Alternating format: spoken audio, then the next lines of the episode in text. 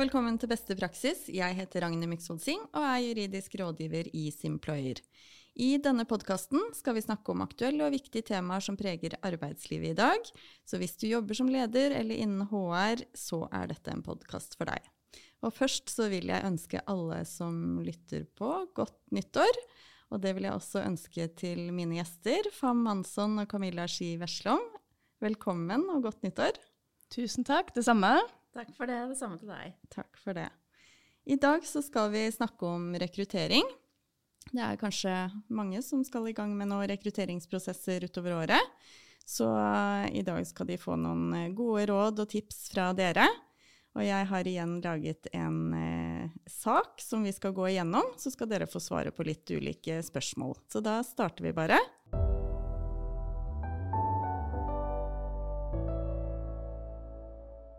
Vi har en klesbutikk, og den selger, i den så selger de dameklær. Og her skal de lyse ut en ledig stilling. Vi har en butikksjef som heter Mari, og hun skriver da en kort stillingsannonse hvor hun bl.a. skriver at de søker en erfaren selger til å stå i butikken. Hun skriver at det er krav om erfaring tilsvarende minst ti år i dameklesbutikk. Og så skriver hun at det er krav om at den som ansettes, kan snakke flytende norsk, og at det kun er damer mellom 30 og 50 år som vil bli vurdert for stillingen. Så først har jeg lyst til å spørre deg, Camilla. Hva syns du om denne stillingsannonsen? Nei, her har jeg egentlig flere innspill. Men først og fremst så vil jeg understreke noen rettslige rammer i forhold til det med rekruttering. Mm. Arbeidsgiver står nemlig ikke fritt til å velge hvilke kandidater de selv ønsker ved rekruttering. Det er flere regler som kommer inn. Eh, og blant annet så har vi jo ulike diskrimineringsgrunnlag som sier at det er forbudt å diskriminere, blant annet pga. kjønn, etnisitet, religion, alder, kjønnsuttrykk, politisk syn osv. Flere grunnlag her. Så det betyr jo det at, eh, som i casen vår, da, at eh, som den absolutte hovedregel, så er det ikke lov å diskriminere, f.eks. pga. kjønn og alder. Det kan være lovlig i visse sammenhenger, men det er strenge regler.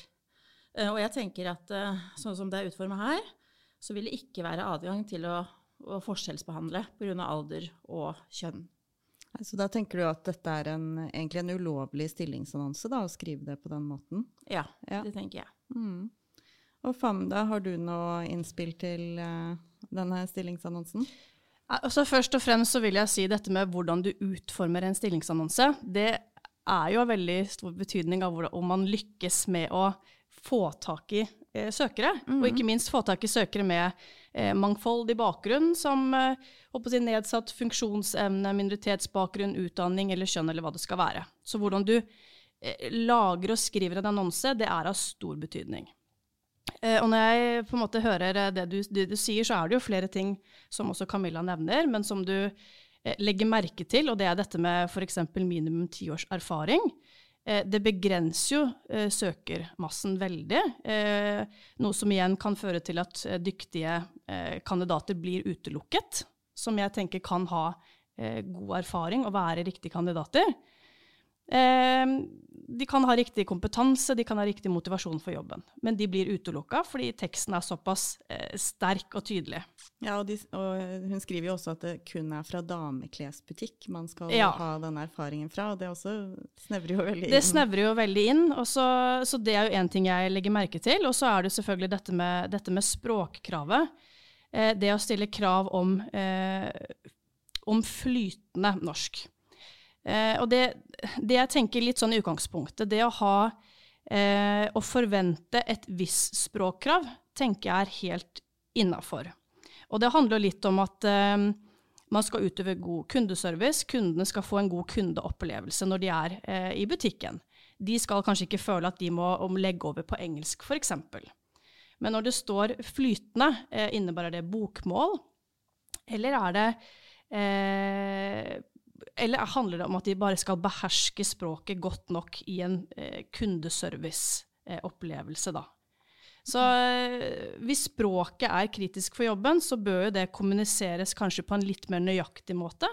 Eh, om det er flytende eller bokmål. Eller eh, et eksempel kan jo f.eks. være at eh, kandidaten skal eller bør kunne beherske norsk på en tilfredsstillende måte, f.eks. Så det handler om det er kanskje det hun mener, men det kommer kanskje ikke til uttrykk i annonsen. Jeg ville jo kanskje tenkt at eh, det holder med tilfreds... Eller altså at man behersker norsk på en tilfredsstillende Mm. måte. Eh, Camilla, har du noen tanker om det, eller? Ja, jeg også tenker at hvis det er et for strengt norskkrav, så kan det også være et diskrimineringsgrunnlag. Ja, ja. Eh, Men her er det jo i en butikk, de yter kundeservice, som FAM var inne på. Og det er jo avgjørende betydning at kundene forstår butikkmedarbeideren. Mm. Så at det er krav om norsk norskkunnskap her, det, det er, eh, tenker jeg er saklig. Men spørsmålet er om flytende er for, for strengt, da, og hva Ja. som legges i det. Men at de stiller krav til eh, tilfredsstillende norskkunnskaper, det, det, det er forståelig. Nei, det- Og så er det den siste, dette med veldig sånn kjønnsspesifikt. da. Dette med krav om at det er kvinner som skal søke. Eh, og det er jo som Camilla også sier, det å kun vurdere kvinnelige søkere, det kan jo være diskriminerende og bryter jo med prinsippet om, eh, om likestilling. Så jeg tenker jo at det er jo bedre å fokusere på kvalifikasjoner og ferdigheter Mm. istedenfor kjønn. Ja. Så det er jo de tingene som jeg i hvert fall legger veldig merke til da, når, du, når du leser denne stillingsutlysningen. Ja. Eh, utlysningen, ja.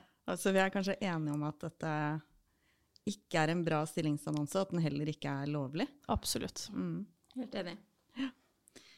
Da skal vi fortsette litt. Eh, Hun legger jo likevel ut denne stillingsannonsen og får faktisk inn eh, 60 søknader på stillingen. Så velger hun kun å kalle inn to kandidater til intervju, og det er Kaja og det er Nora. Så gjennomfører hun ett intervju med hver av dem. Så tenker hun at hun skal tilby stillingen til Kaja, men før hun gjør det, så ringer hun til Kajas nåværende leder, og det gjør hun selv om Kaja ikke har oppgitt nåværende leder som referanse, Eh, og hun har heller ikke spurt Kaja om hun kan få lov til å ringe nåværende leder. Så lurer jeg på et par ting her, Fam. Og det første jeg lurer på er, når man får inn såpass mange søknader som 60 søknader, er det ikke lurt å kalle inn litt flere kandidater da?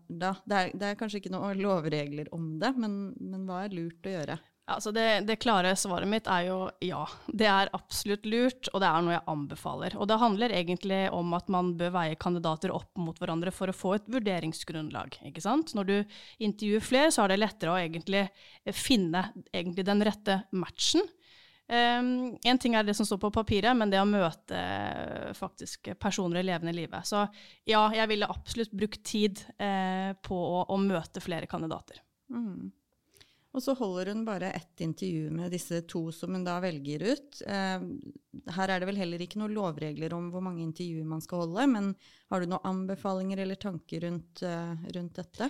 Ja, det er jo ingen regler rundt det, men igjen, her kommer jeg også med en anbefaling. Det kommer litt an på hvilken stilling kanskje som man søker seg til, men og litt på erfaringen kanskje til de som er i rekrutteringsprosessen og skal holde intervjuer. Men jeg anbefaler jo alltid å holde minst to, for det handler om at man har ulike fokusområder i de ulike intervjuene. For når du, når du f.eks. har et førstegangsintervju, da handler det mer om å, å presentere virksomheten og stillingen og, og egentlig bli litt kjent. Eh, få en sånn gjensidig følelse om dette her er en god match. Og så har man jo et andregangsintervju som ofte er et mer dypdykk. Det er et mer eh, dybdeintervju som, hvor man kan kombinere med ulike caser eller oppgaver eller tester eller hva det skal være, for å ta litt mer sånn dypdykk i er dette her faktisk en virkelig god match for oss begge to. Mm. Og så vil jo det sikkert kunne var variere ut ifra hva slags stilling Absolutt. man har. Og jeg, Ja. jeg tenker vel kanskje at um, eh, hvert fall hvis man hadde kalt inn flere kandidater her, eller i de tilfellene man gjør det, så vil det jo være lurt å ha flere intervjuer og for å ja, Og det er jo ikke alle som trenger. Ja, ikke Mm. alle som trenger å gå videre til et andregangsintervju, f.eks., men at man, eh, at man møter flere, og, Mm. og de man føler man har en god, god følelse for, tar man videre til et andregangsintervju. Så det er, jo, det er jo noe jeg absolutt anbefaler. Mm. Eh, Så ringer Mari da til eh, nåværende leder uten å ha klarert det med Kaja. Hva syns du om eh, den måten å, å gjøre det på? Jeg syns jo i utgangspunktet så bør man jo klarere dette her med søker eh, først. Eh, dette med referanser er jo noe som søkerne eh, selv opplyser om, og man spør ofte om det eh, når man sitter og har en følelse med at dette er en kandidat jeg ønsker å gå videre med. Så ber man ofte om, eh, vet eh, referansene dine at vi kan kontakte, eller, eller gi beskjed om at, at, vi kommer til å kontakte. Og når man ikke har på en måte opplyst lederen sin, fordi man, man er jo i man er jo kanskje i en jobbsituasjon, du jobber der, og det er jo ulike grunner for at man velger å gå videre.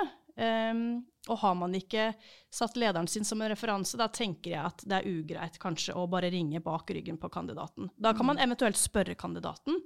Eh, kan jeg ringe lederen din, f.eks.? Eller, eller så kan man jo bruke tidligere ledere hvis de er opplyst om. Mm. Men jeg syns at det her bør være en tydelig dialog egentlig og kommunikasjon. Eh, ja, jeg jeg, jeg eh, syns det, det, er riktig måte å gjøre det på. Mm, ja, det er jeg helt uh, enig i.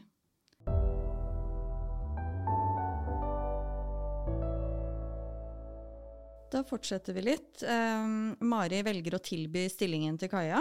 Uh, og Kaja takker da ja til stillingen. Så blir de enige om at Kaja skal komme inn i butikken uken etter og signere arbeidsavtalen.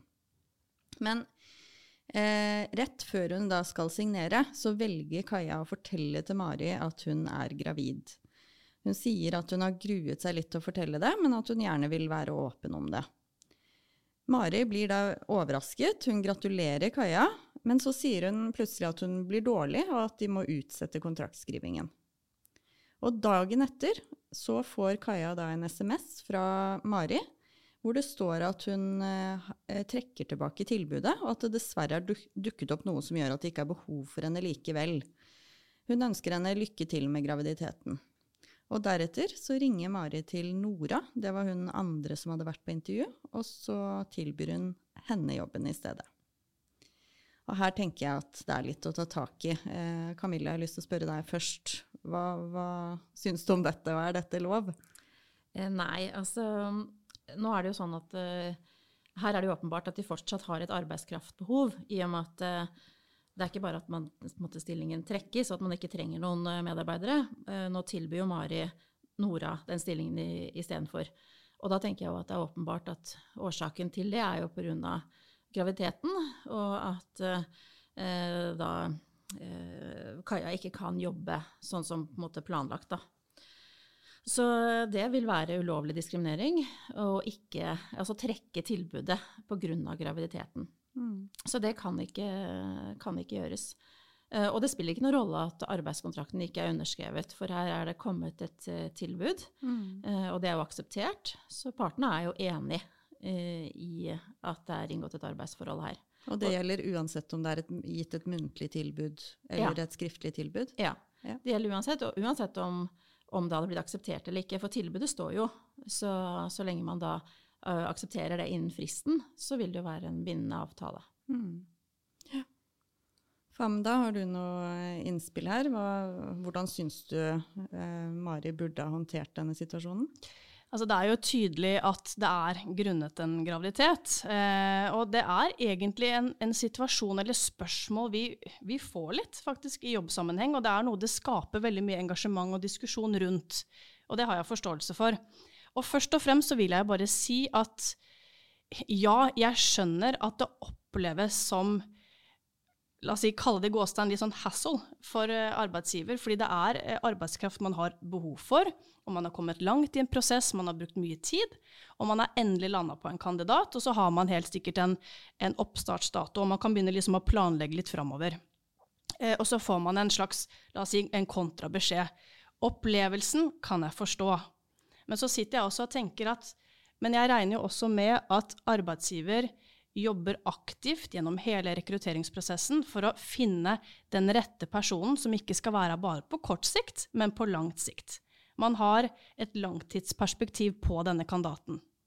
Så det at man opplever litt sånn utfordringer nå eh, Jeg tenker at hvis man tar tak i det på en god måte, imøtekommer eh, kandidaten, tilrettelegger og gjør det beste man kan ut av situasjonen, så vil man tenker jeg, få en motivert, engasjert person som kommer tilbake på et senere tidspunkt, eh, som også har en opplevelse at dette her er en arbeidsgiver som virkelig bryr seg. Mm.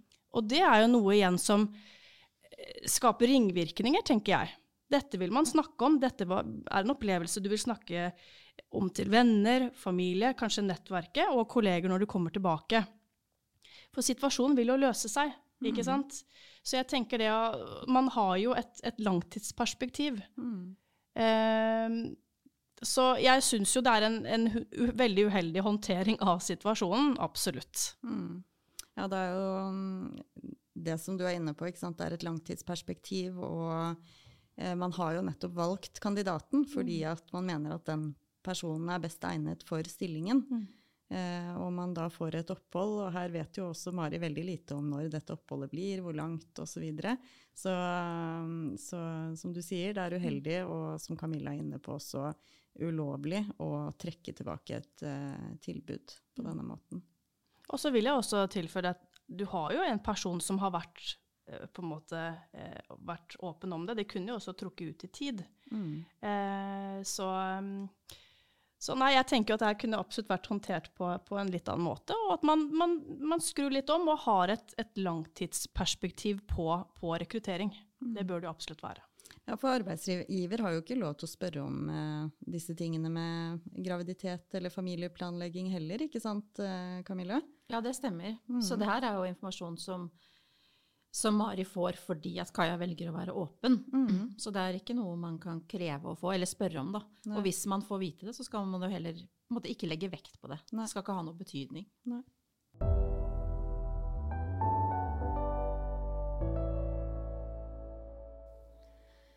Så bra. Helt til slutt eh, så har jeg lyst til å spørre om dere har noe råd. Vi har jo vært innom litt ulike situasjoner som har oppstått i denne rekrutteringsprosessen.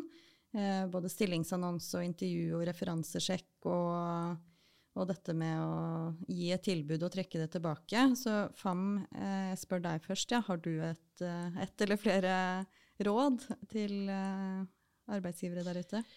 Ja, jeg, jeg, har jo det. Og så kommer det selvfølgelig litt an på, på, størrelse på virksomheter. Men jeg tenker at det er et litt sånn grunnleggende råd jeg kan gi. Og det handler jo selvfølgelig om det å ha eh, gode gjennomtenkte rutiner for rekruttering og rekrutteringsprosessen.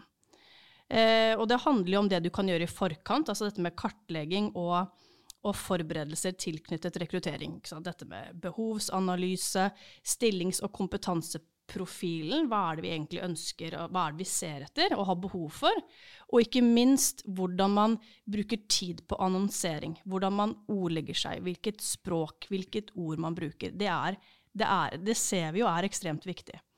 Og så er det selvfølgelig den praktiske gjennomføringen av rekrutteringen. Eh, hvordan vi går videre, hvordan vi leser søknader, CV-er, hvordan vi velger ut kandidater, hvordan vi holder intervjuet, eh, tester osv. Og, så og selvfølgelig valg av kandidaten. Eh, hvordan vi velger dette, og avslag og tilbud.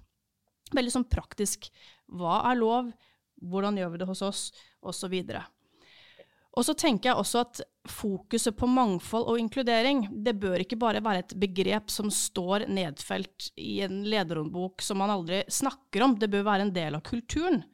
Eh, liksom totalstrategi for virksomheten som alle er klar over og alle snakker om, og som er en del av hverdagen. Eh, og da vil jo det også bli en mer naturlig del av også en rekrutteringsprosess.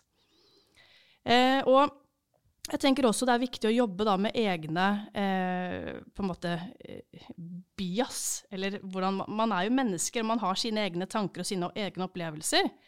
Eh, og hvordan på en måte egne tanker og opplevelser kan ha også en, en påvirkning på f.eks. en rekrutteringsprosess. Men det er jo øvelse. Da, her må man øve. Og da er det ulike fokusområder som man kan jobbe med. Det er, eh, eller man kan ha et mangfoldig utvelgelsespanel, f.eks. At det er flere involverte i rekrutteringsprosessen. Um, man kan søke mer i mangfoldige nettverk, og ikke bare bruke kanskje de standardiserte annonsekanalene, men tenke litt annerledes på det. Uh, og egentlig bare jobbe aktivt med egne uh, forutinntattheter og egne bias, egentlig. Og det siste jeg har lyst til å, å trekke fram, det handler selvfølgelig om alle disse tingene jeg snakker om. At det handler også om opplæring og forankring også hos ledere, og egentlig alle medarbeidere, men kanskje spesielt ledere som ofte er aktiv del i prosessen. Og her snakker vi at alle må vite hvor informasjon finnes, kanskje hvorfor dette her er rutinene vi ønsker å ha. Du må øve på holdintervjuer, både strukturerte, ustrukturerte. Kanskje HR må være med å bistå ledere i ulike situasjoner. Eh, hva kan vi si, hva kan vi ikke si? Eh, hvordan forberede seg til intervjuet. Eh, hvordan lese gjennom en CV. Er, listen er veldig lang. Mm. Så jeg tenker at det er i hvert fall rent sånn praktiske ting som man, man, bør og kan ta tak i da, for å unngå da, sånne, disse situasjonene som vi har hørt om i dag. Ja, Du er jo også inne på noe som arbeidsgivere har plikt til å jobbe med. ikke sant? Fordi arbeidsgivere har jo en aktivitetsplikt til å jobbe med å fremme likestilling og hindre diskriminering. Og i det så ligger det jo også at man må jobbe med rekrutteringsprosessen. Og da er jo nettopp det som du er inne på med rekrutteringsrutiner og sånn, viktig å se på. Eh, og så er det jo også noen ting som er eh, viktig at ledere vet om at det ikke er lov til å gjøre, eh, eller spørre om under eh, f.eks. en rekrutteringsprosess, da, Camilla? Ja, jeg er helt enig. Og for meg er jo eh, så vidt inne på det her. Jeg tenker på det her med altså med opplæring av ledere, da, som eh, Her hadde du mange innspill, Fam.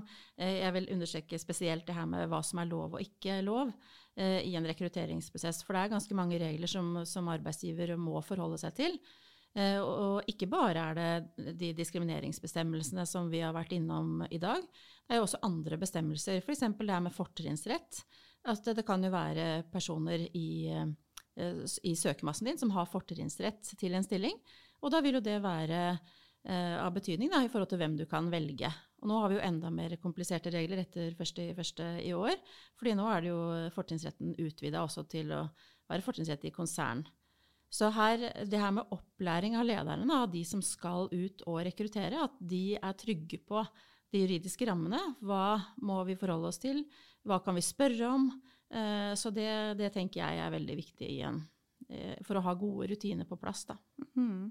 Og så tenker jeg det sikkert vil kunne variere fra virksomhet til virksomhet og avhengig av eh, hva man jobber med og størrelse og sånn, på um, hvor omfattende eh, disse rutinene skal være.